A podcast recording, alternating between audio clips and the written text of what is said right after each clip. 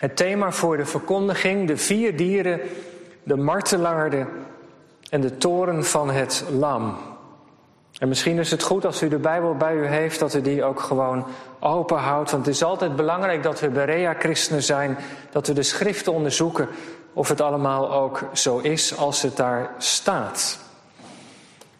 U thuis, u in de kerk, gemeente van Jezus Christus. Het is eigenlijk een vraag van alle tijden. Waarom is er in deze wereld zoveel ellende? Als God bestaat, als Christus regeert, waarom gebeuren er voortdurend dan zoveel nare dingen? Oorlogen, moord, doodslag, mensen die elkaar naar het leven staan, honger, tekort, verschrikkelijke ziekte. Wat is er toch met deze wereld aan de hand? Het meest voor, de, meest voor de, voor de hand liggende antwoord is natuurlijk, ja dat komt vanwege de zonde. Daar hebben wij mensen het naar gemaakt. Zeker, dat is ook waar. Maar het is niet het volledige antwoord. Er speelt namelijk veel meer. Achter de schermen woedt een hevige strijd. Een strijd die we niet met onze ogen kunnen zien, maar waar we vanavond het een en ander over horen. Zou u of zou jij willen weten wat er echt in deze wereld aan de hand is? Zou je bijvoorbeeld willen weten alle dingen die nog gaan gebeuren voordat de Heer Jezus terugkomt? Of zou u liever bij de dag leven? En al die dingen maar over je. Ik zie het wel wat er gebeurt. Misschien is het een moeilijke vraag, maar laat ik hem anders stellen. Zouden wij willen weten of er in ons lichaam een ziekte is? Kwade cellen die je met je meedraagt, zou je dat willen weten? Zou je bij een conflict ergens willen weten wat er echt allemaal speelt? Ik denk dat ons antwoord iets dubbels zal hebben. Aan de ene kant zoiets, nou liever niet. Ik zou liever niet alles willen weten wat er mis is. Dat zou mij verlammen, beangstigen misschien. Aan de andere kant wil je het natuurlijk ook wel weten, want als er echt iets mis is in mijn lichaam of met een relatie, dan kun je er tenminste hopelijk nog iets aan doen. Ja, dat is natuurlijk ook waar. die dubbelheid die je soms kunt ervaren, hebben veel mensen, hebben wij misschien ook wel als het gaat over de toekomst. Zou je echt willen weten wat er allemaal ons nog te wachten staat voor het einde? Nou, liever niet misschien. Ik vind het zo beangstigend, denk je misschien wel. Aan de andere kant hoor ik iemand zeggen, nou, ik zou het toch wel willen weten, want dan kan ik mij in ieder geval daarop voorbereiden. Dan weet ik tenminste waar ik aan toe ben. Nou ja, ik weet niet hoe u of jij erin staat, maar Johannes vindt het belangrijk dat wij met de ogen van de Heere God kijken naar de dingen die gebeuren op aarde. En dat gebeurt in het boek Openbaringen. Waarom? Nou ja, allereerst natuurlijk om ons als gelovig, als kerk te bemoedigen. Wat er ook gebeurt, de toekomst ligt in handen van God, in handen van het lam dat regeert. Openbaring is geschreven als een troostboek. Om gelovigen verspreid over het Romeinse Rijk, vervolgd ook, om zijn hart onder de riem te steken met een heel duidelijke boodschap. Heer Jezus is overwinnaar. God is trouw, zijn plannen falen niet. Maar tegelijkertijd wil Johannes ons ook waakzaam maken. Waakzaam voor de kosmische, niet, zichtbare strijd die er gaande is. En dat is niet iets van de laatste dagen al vanaf het allereerste begin. Maar zeker ook naar kruis en opstanding van de Heer Jezus. Weet u, het kijken van met de ogen van God naar de aarde. Laat ons dingen zien die je niet op het journaal ziet, die je niet in de kranten leest. En of we het nu leuk vinden of niet, of we het allemaal wel willen weten of niet. God vindt het zo belangrijk om ons kennis daarvan te geven en daarom dit laatste Bijbelboek. Ja, dat heeft u natuurlijk, dat heb je zelf ook wel gemerkt. Het is geen gemakkelijk Bijbelboek. Al die symbolen, die visioenen, die beelden die Johannes gebruikt. Wij leven in een andere tijd. We moeten ons best doen om het allemaal een beetje te kunnen begrijpen. Zeker. En ook nog een keer omdat er ook wel een gewoonte is om het boek Openbaring als het ware lineair te lezen. Allemaal feiten die achter elkaar gebeuren. En dan dit en dan dat. En sommigen zien het boek als een spoorboekje waar je kunt kijken waar we ongeveer zijn op de wereldgeschiedenis.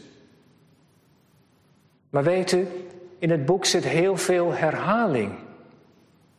In het laatste, in, in ene laatste, in, in hoofdstuk 20 gaat het over het oordeel van God. Maar het oordeel komt ook al veel eerder aan bod. In hoofdstuk 7, 11, 14 en 15. Op allerlei plekken komt dat laatste oordeel al ter sprake. En tussen de zeven zegels, bazuinen en schalen zit ook heel veel overlap. Ik heb dat maar even op de zondagsbrief laten afdrukken. Ziet u een plaatje waar, waar die nummers 1 tot en met 7 drie keer opstaan. Het eerste plaatje staan ze allemaal achter elkaar, lineair, chronologisch. Maar er is ook een mogelijkheid, en daar wijzen de uitleggers op, om het iets anders te lezen als een gedeeltelijk, en dat is het tweede deel daarvan, als een gedeeltelijke overlap. Als u nou komende week thuis bent en het boek is ter hand neemt, moet u maar eens opletten. Bij de zegels, de bazuinen en de schalen, en met name de zevende. Ze allemaal in dezelfde woorden geschreven. Dat gaat de zevende zegel, de zevende bazuin, de zevende schaal gaat over dezelfde gebeurtenis. Er zit overlap en tegelijkertijd ook versterking. Er is een uitlegger die heeft het volgende beeld eens gebruikt om iets duidelijk te maken van het boek Openbaringen. Hij zegt: Stel je nou voor een heel groot stadion, een Olympisch stadion, en daar, daar beneden op het veld vinden allerlei activiteiten plaats. En in dat stadion zijn camera's opgehangen. Wij kijken naar het beeld. En dan zien we het beeld vanuit de ene camera, dan vanuit de andere camera, steeds weer een ander perspectief. Maar het gaat over diezelfde wedstrijd, over wat er daar beneden gebeurt. Nou ja, misschien kan dat beeld een beetje helpen. We zullen het wel, wel zien als we verder gaan lezen in het Bijbelboek. In ieder geval laten we ons niet door de symbolen en door de structuur laten ontmoedigen. Want zo hebben we gezien in hoofdstuk 1, hoofdstuk 4 en 5, de hoofdboodschap is duidelijk. De boekrol is in handen van onze heiland. Hij regeert.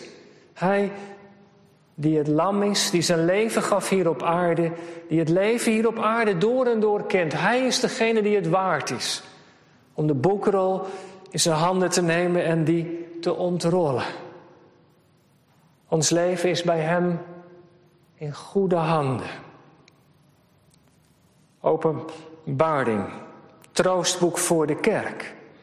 Hoofdstuk 5 eindigde met dat de Heer Jezus de enige persoon is in de hemel die het waard was de boekrol te ontvangen. En als hij die boekrol ontvangt, dan barst heel de hemel in luid gejuich aan. Ze prijzen hem, omdat hij hier op aarde zijn leven gaf om mensen te redden. En dat is de reden dat hij het waard is.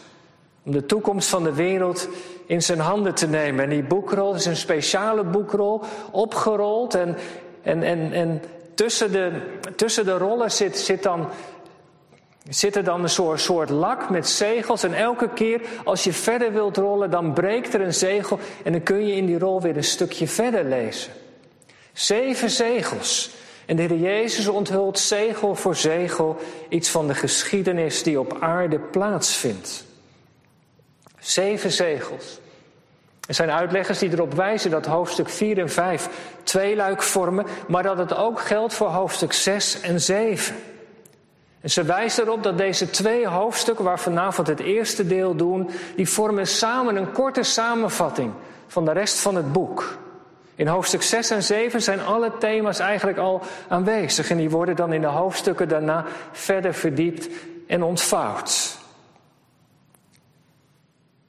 We gaan nu naar hoofdstuk 6. Als de Heer Jezus de boekrol in zijn handen neemt en die verder ontrolt, dan verbreekt hij de zegels.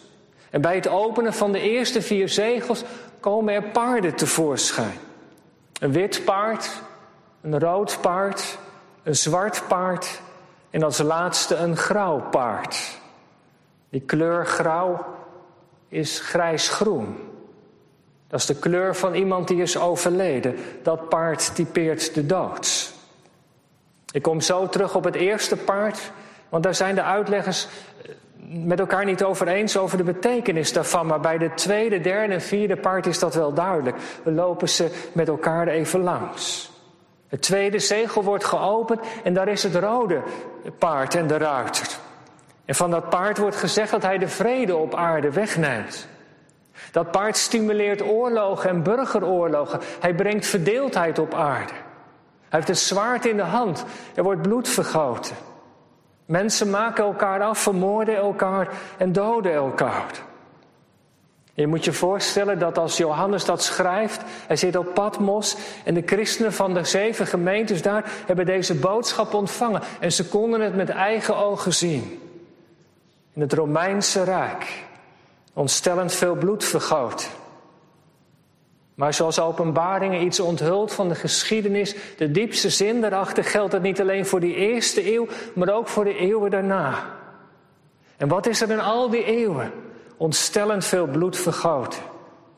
Neem de laatste honderd jaar. Tweede Wereldoorlog 50 miljoen. Stalin 25 miljoen. En wat dachten we van Rwanda, Bosnië, Libië, Syrië? De ruiter met het rode paard is bezig. Hij neemt de vrede weg, steekt mensen tegen elkaar op, zodat ze elkaar doden. Het gebeurt tot op de dag van vandaag. Het derde zegel. Het zwarte paard en de ruiter. We kennen het wel. Als er ergens oorlog uitbreekt, dan zijn er daarna ook tekorten. De honger. Als je goed het zegel leest, gaat het over woekerprijzen. Alles wordt zo twintig keer duurder. Een dag werken, een penning, dagloon van een arbeider voor een beetje tarwe of gerst. Dat betekent ontstellende hongersnood. Vermoedelijk als gevolg van misoogsten en verwoesting. Een opvallend detail: de olie en de wijn blijft intact. Dat zijn de spullen die de rijken zich kunnen veroorloven. Met andere woorden, er komt een enorme tweedeling. De armen worden armer, moeten vechten om te overleven. En de rijken worden rijker. De ongelijkheid neemt toe. En dat was niet alleen in de eerste eeuw zo. Het is een paradigma. Zoals in andere eeuwen steeds weer gebeurt het op de dag van vandaag. De ongelijkheid neemt toe, de problemen in de economie. Je ziet het in Afrika, door de honger vluchten mensen. En als ze op de vlucht zijn, geen water hebben, breken de ziektes uit, grijpen gewapende milities een kans. Johannes laat hier iets zien. In dat wat er gebeurt, zien we de zwarte macht van Satan. En dan het vierde zegel, daarop volgend de grauwe paard met een ruit, de kleur van de dood. En wat wordt er over dat paard verteld? Dat een vierde deel van de aarde wordt gedood. Door zwaard, honger, dood, wilde dieren. En het Griekse woordje thanatos, wat met dood vertaald wordt, betekent vermoedelijk hier besmettelijke ziekte. Oorlog laat een spoor van vernietiging na. Ziekte als gevolg van oorlog en honger. Wilde dieren. Sommige uitleggers wijzen erop dat dat misschien wel een aanduiding is voor de bacillen. Voor andere levende ziektekiemen. De kleinst levende diertjes, zo was het in het Romeinse Rijk. In het jaar 165 brak een pest uit. Een kwart van de bevolking stierf. Of de zwarte dood in de middeleeuwen. 65 tot 200 miljoen mensen. De Spaanse griep bij de Eerste Wereldoorlog. 20 tot 100 miljoen slachtoffers. Het grauwe paard weet heel wat slachtoffers te maken tot op de dag van vandaag. En misschien zit het coronavirus hier ook wel bij. Waar staan deze drie paarden voor met hun ruiters? Nou, in die tijd werden paarden gebruikt in het oorlog, in de strijd. Je zou kunnen zeggen, de paarden van toen zijn de tanks van vandaag. Ze staan voor de machten van de duisternis die op aarde aan het werk zijn. Ze proberen het werk van de Heere God kapot te maken. En Johannes ziet het daar gebeuren. De boekrol onthult wat er op aarde gebeurt. En het is niet zo dat ze pas aan het werk zijn op het moment dat Johannes dat te zien krijgt. Maar als het gaat om Satan, zegt de schrift dat hij de mensenmoordenaar is vanaf het begin, vanaf Genesis al. De schepping, de zondeval, is hij bezig om de wereld van God kapot te maken en mensen van God te doen laten afvallen. In grote woede is hij ontstoken, zegt Openbaringen 12. De ruiten symboliseren de krachten die hij gebruikt. En doordat je de Heer Jezus die boekrol opent, weten wij er ook van. De boekrol onthult wat er achter de schermen in deze wereld gebeurt. Het haalt niet het journaal. Maar als God kijkt en wij met Hem, dan zien we het. Ik ga even terug naar het eerste zegel. Het witte paard, vers 2. En hij die erop zat had een boog en hem was een kroon gegeven. Die trok uit overwinnend en om te overwinnen. En daarom hebben we ook Psalm 45 gezongen. Ging het over de koning die erop uittrekt om met zijn pijlen mensen in het hart te raken. Wie is deze witte ruiter? Er staat niet veel meer vermeld dan dat hij uitgaat om te overwinnen. We kunnen hem bij de andere drie ruiters betrekken. Dan zijn het er vier um, ruiters op het paard. Dan is dat een beeld van de kwade machten. Misschien wel een beeld van de antichrist. Een nep-messias. Die mensen met een vals evangelie probeert te winnen. Zeg maar een evangelie zonder kruis, zonder verzoening. Een evangelie waar je kunt blijven zoals je bent. Maar ik aarzel.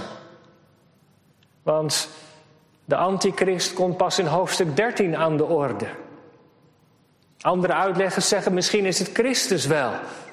Maar hij verschijnt in, in hoofdstuk 19 op het paard. En daar wordt nog veel meer over hem gezegd. Dus dat lijkt me ook niet echt waarschijnlijk.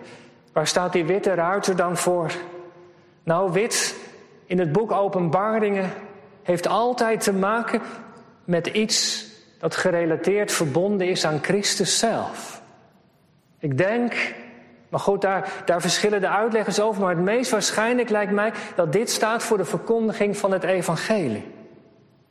Het, over, het gaat uit. Het overwint mensen. De boog in het Oude Testament wordt ook wel vaker gebruikt voor de Heere God. en de kroon is een symbool van zijn majesteit. Dus dan zegt Johannes, in deze wereld is de witte, witte ruiter bezig. Het evangelie wordt verkondigd. Het gaat de wereld in, de volkeren door. Het overwint mensen. Mensen worden in hun hart geraakt door de kracht van Gods geest. En tegelijkertijd, dat is de onthulling, zijn er ook die andere ruiters. Die tegenkrachten. God is aan het werk. Hij bouwt een kerk. Maar daarnaast bouwt Satan een kapelletje, zeiden ze vroeger. En die beide bewegingen die zijn gaande in de wereld tot op de dag van vandaag. En ja, dat had de Heer Jezus ook al gezegd. Ik herinner u er even aan ik herinner, we, kunnen elkaar eraan herinneren aan de eindreden die de Jezus heeft gehouden, bijvoorbeeld in Matthäus 24.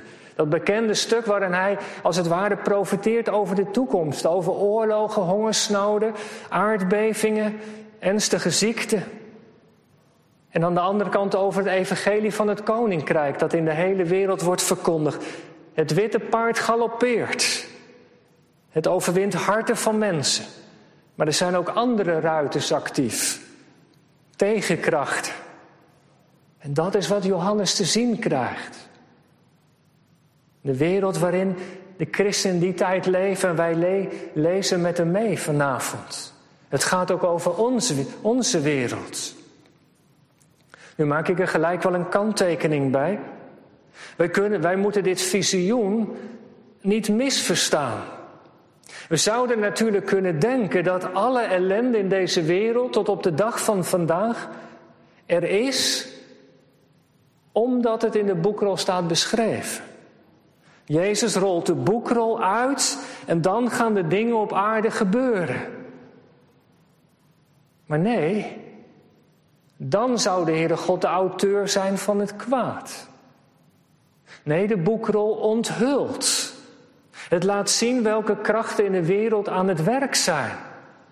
Overal waar kwaad is vandaag de dag, oorlog, honger, pest, ziekte, moord en doodslag, daar zijn de paarden en de ruiters actief.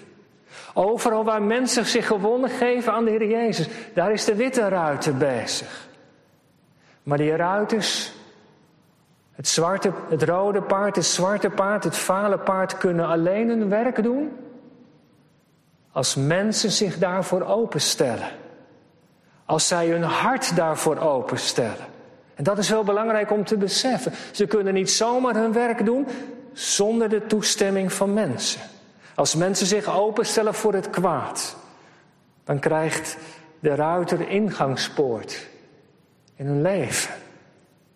Dat is trouwens al wat apostel Paulus ook heeft gezegd in Efeze 4. Hij noemt allerlei zonden op en dan zegt hij tegen de gemeente in Efeze: geef de duivel geen plaats in je denken, in je hart. Door zonde, door bewuste geboden van God te overtreden, zet je de deur van je hart open. Geef je de duivel gelegenheid, het paard om invloed te krijgen in je leven. Dat is de manier waarop de tegenstander van God werkt. Zo krijgen de paarden en de ruiters invloed. De keerzijde is, dat kunnen we wel begrijpen, dat gehoorzaamheid met de hulp van Gods geest de beste bescherming is tegen de invloed van deze ruiters. In de gehoorzaamheid aan God ligt de bescherming. Maar wat een leed veroorzaken zij. Het is aangrijpend om te lezen. Het ene zegel naar het ander onthult. Wij kijken met de ogen van God naar wat er in deze wereld gebeurt. En zoveel mensen die vanwege hun geloof om het leven zijn gekomen. Daar waar open doors en vele anderen zoveel aandacht voor vragen. Waar zijn al die mensen gebleven? Dat zegt het vijfde zegel. Het vijfde zegel wordt geopend en opeens gaat de camera van de aarde naar de hemel. En er zijn allerlei mensen daar. Ze hebben witte klederen aan. Wit een teken van de overwinning. Een teken van de reinheid. Ze hebben geen last meer van de zonde. Hun leven is gereinigd door het bloed van het lam. En dan zegt Johannes, ze mogen rusten van hun werken. Het is eigenlijk heel bijzonder als je daarover nadenkt.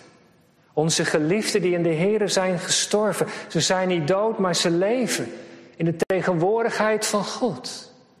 Degene die je zo miste, sta daar, zit daar, met een wit kleed in de tegenwoordigheid van de Heer. Wat is dat? Een geweldige troost. En wat ook opvallend is, we komen er later in het boek nog wel op terug. Ze zijn niet uitgeschakeld, maar wat doen ze? Ze roepen, ze bidden. Ook dat is opvallend, het trof me. Want ze riepen, vers 10, met luide stem. Ze zijn niet werkeloos, om zo te zeggen, maar die geliefden die hebben hun gebeden gebundeld.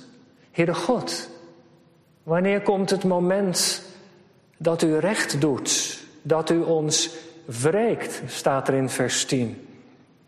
En dat Griekse woord dat betekent letterlijk recht verschaffen. Zij bidden dag en nacht onophoudelijk dat God recht doet op aarde. Het onrecht wat er gebeurt, dat hij dat gaat herstellen. Dat zijn koninkrijk komt. Ik vond dat eigenlijk wel bijzonder. Dat ze betrokken zijn in de verwerkelijking van Gods plannen. Ingeschakeld. Ze rusten, tegelijkertijd zijn ze actief. Dat zal ook het verlangen van hun hart zijn, denkt u niet? Maar ze moeten nog wachten totdat de volheid hier op aarde ingaat. De mensen die, die God wil dat gered zullen, die gered zullen worden. Tot die tijd zijn ze aan het roepen. En dan komen we bij het zesde zegel. Ineens zwengt de camera naar het einde. Naar het einde van de tijd. Dit laatste zegel beschrijft de gebeurtenissen vlak voor de wederkomst van de Heer Jezus. En wat een heftige woorden, dat viel, u, dat viel jou natuurlijk ook wel op. Wat moet je erbij voorstellen? Een zon die zwart wordt, een maan die rood wordt, sterren die op de aarde vallen, bergen en eilanden die van plek veranderen. Zoals de dingen beschreven staan, lijkt het wel alsof God zijn schepping terugdraait. Het is belangrijk om te weten dat dit de taal is van de apocalyptiek. Wij zijn geneigd, zo zijn we getraind om dat letterlijk te verstaan. Maar dat is niet de bedoeling. En denk maar even aan die bijzondere woorden bij de uitstorting van de geest met Pinksteren. Weet u nog die profetie van Joël? Die ging over de uitstorting van de Heilige Geest. En wat gebeurde daar? In de laatste dagen dan zal er bloed zijn, vuur en rookwalm. De zon verandert in duisternis, de maan in bloed, schrijft de profeet. En Lucas haalt het aan in Handelingen 2. Maar niets van dat alles hebben we op dat moment gezien. Dat is de taal van de apocalyptiek. De verandering in de kosmos beschrijven de veranderingen die op aarde zullen plaatsvinden. Daar is een correspondentie mee. Natuurlijke rampen, politieke onrust, opstand wordt in kosmische taal gevat. Het zegel wil zeggen. Er zullen op aarde zulke grote veranderingen zijn, zoals in het universum, als alles zou veranderen en alles zou wankelen, de zon, de maan, de sterren. Nou, zo stel je dat voor, zo zal op aarde heel veel dingen gaan wankelen. De zekerheden van de economie. De sociale zekerheden van hoe we met elkaar omgaan. Politieke, religieuze zekerheden. Het zal gaan wankelen. Mensen hebben geen houvast meer. Moreel en geestelijk is de wereld aan het einde. Het zijn huiveringwekkende woorden die we zo vanavond horen. En dan ook nog eens vers 16. Want wat staat er aan het laatste van vers 16? Die zesde zegel zegt iets over de toren van het lam. Moeten we dat eens even op ons laten inwerken? Het lam, hij die zijn leven voor ons gaf, onze heiland, die op aarde is gekomen om de zonde te dragen en te verzoenen, om te zoeken en te redden wat verloren was, zo hebben wij onze heiland leren kennen. Zijn langmoedigheid, zijn geduld. Raakt een keer op. Er komt een moment dat dat stopt. En dan is het einde gekomen. Dan rest alleen nog het oordeel. Met andere woorden, Johannes geeft aan, het is zaak dat de wereld tot inkeer komt voordat het te laat is. Het is een heftig visioen, dat laatste zegel. Maar het is bedoeld als een waarschuwing. Dat je al je zekerheden niet bouwt op de dingen hier van beneden maar op de trouw, de belofte van de Heere God. Zoek de Heere God voordat het te laat is, anders kun je geen dekking meer vinden. De toren van het lam, huiveringwekkende realiteit. Gemeente, het is tijd, ik rond af. We hebben zo vanavond Openbaringen 6 met elkaar gelezen. Je zou er angstig van worden als je iets hoort van wat ons staat te wachten en van wat bezig is in deze wereld te gebeuren. Maar het is ons niet beschreven om bang te maken. Het wil ons toerusten. Het wil ons aansporen. Om gereed te zijn, zeker ook. Dat de gebeurtenissen ons niet zullen overvallen. Ik bid dat het dit uitwerkt. Twee dingen noem ik tot slot. Allereerst, een diepe dankbaarheid een diepe dankbaarheid in onze harten dat wij de Heer Jezus mogen kennen. Hij is het lam, voor ons gestorven. Hij heeft de boekrol in zijn handen. De toekomst van de wereld ligt in zijn doorboorde handen. Ook mijn leven, ook jouw leven, ook uw leven. Omdat Hij voor mij de toren heeft gedragen. Op Golgotha hoef ik voor die laatste toren niet bang te zijn als ik Hem ken. En ik hoop en bid dat Hij voor ons allemaal onze redder is. Want dan hoeven wij die dag niet met verschrikking tegemoet zien, maar kunnen wij vol verwachting kijken, uitzien naar Zijn komst. Een diepe dankbaarheid, dat bid ik. En het tweede, een sterke nadruk op zending. Hoe belangrijk is het dat wij mensen bereiken met het evangelie? Dat mensen de Heer Jezus kennen. Dan zullen ze niet in het laatste oordeel ten onder gaan, maar leven voor altijd. Mag deze dienst ons als gemeente opnieuw aansporen om niet voor onszelf te leven, maar bewogen te zijn met de mensen om ons heen. Met degene in onze gezin of familie die andere wegen gaan. Zo dichtbij kan het zijn. Voor de buren, de collega's, de mensen met wie we studeren. Iedereen die Jezus niet kent. Dat we volhardend zijn in het gebed. Opdat het vaderhuis vol wordt, want dat is het hartsverlangen van onze hemelse vader. Dat wil hij het allerliefste. De toekomst ligt niet in onze handen. Voor ons is de toekomst onzeker. Maar dit visioen, Christus die de boekrol in zijn handen heeft, zegt ons vanavond dat Hij regeert. Zijn plannen falen niet. Bij Hem zijn we veilig, nu en voor altijd. Laten wij de Heer daarvoor prijzen. Amen.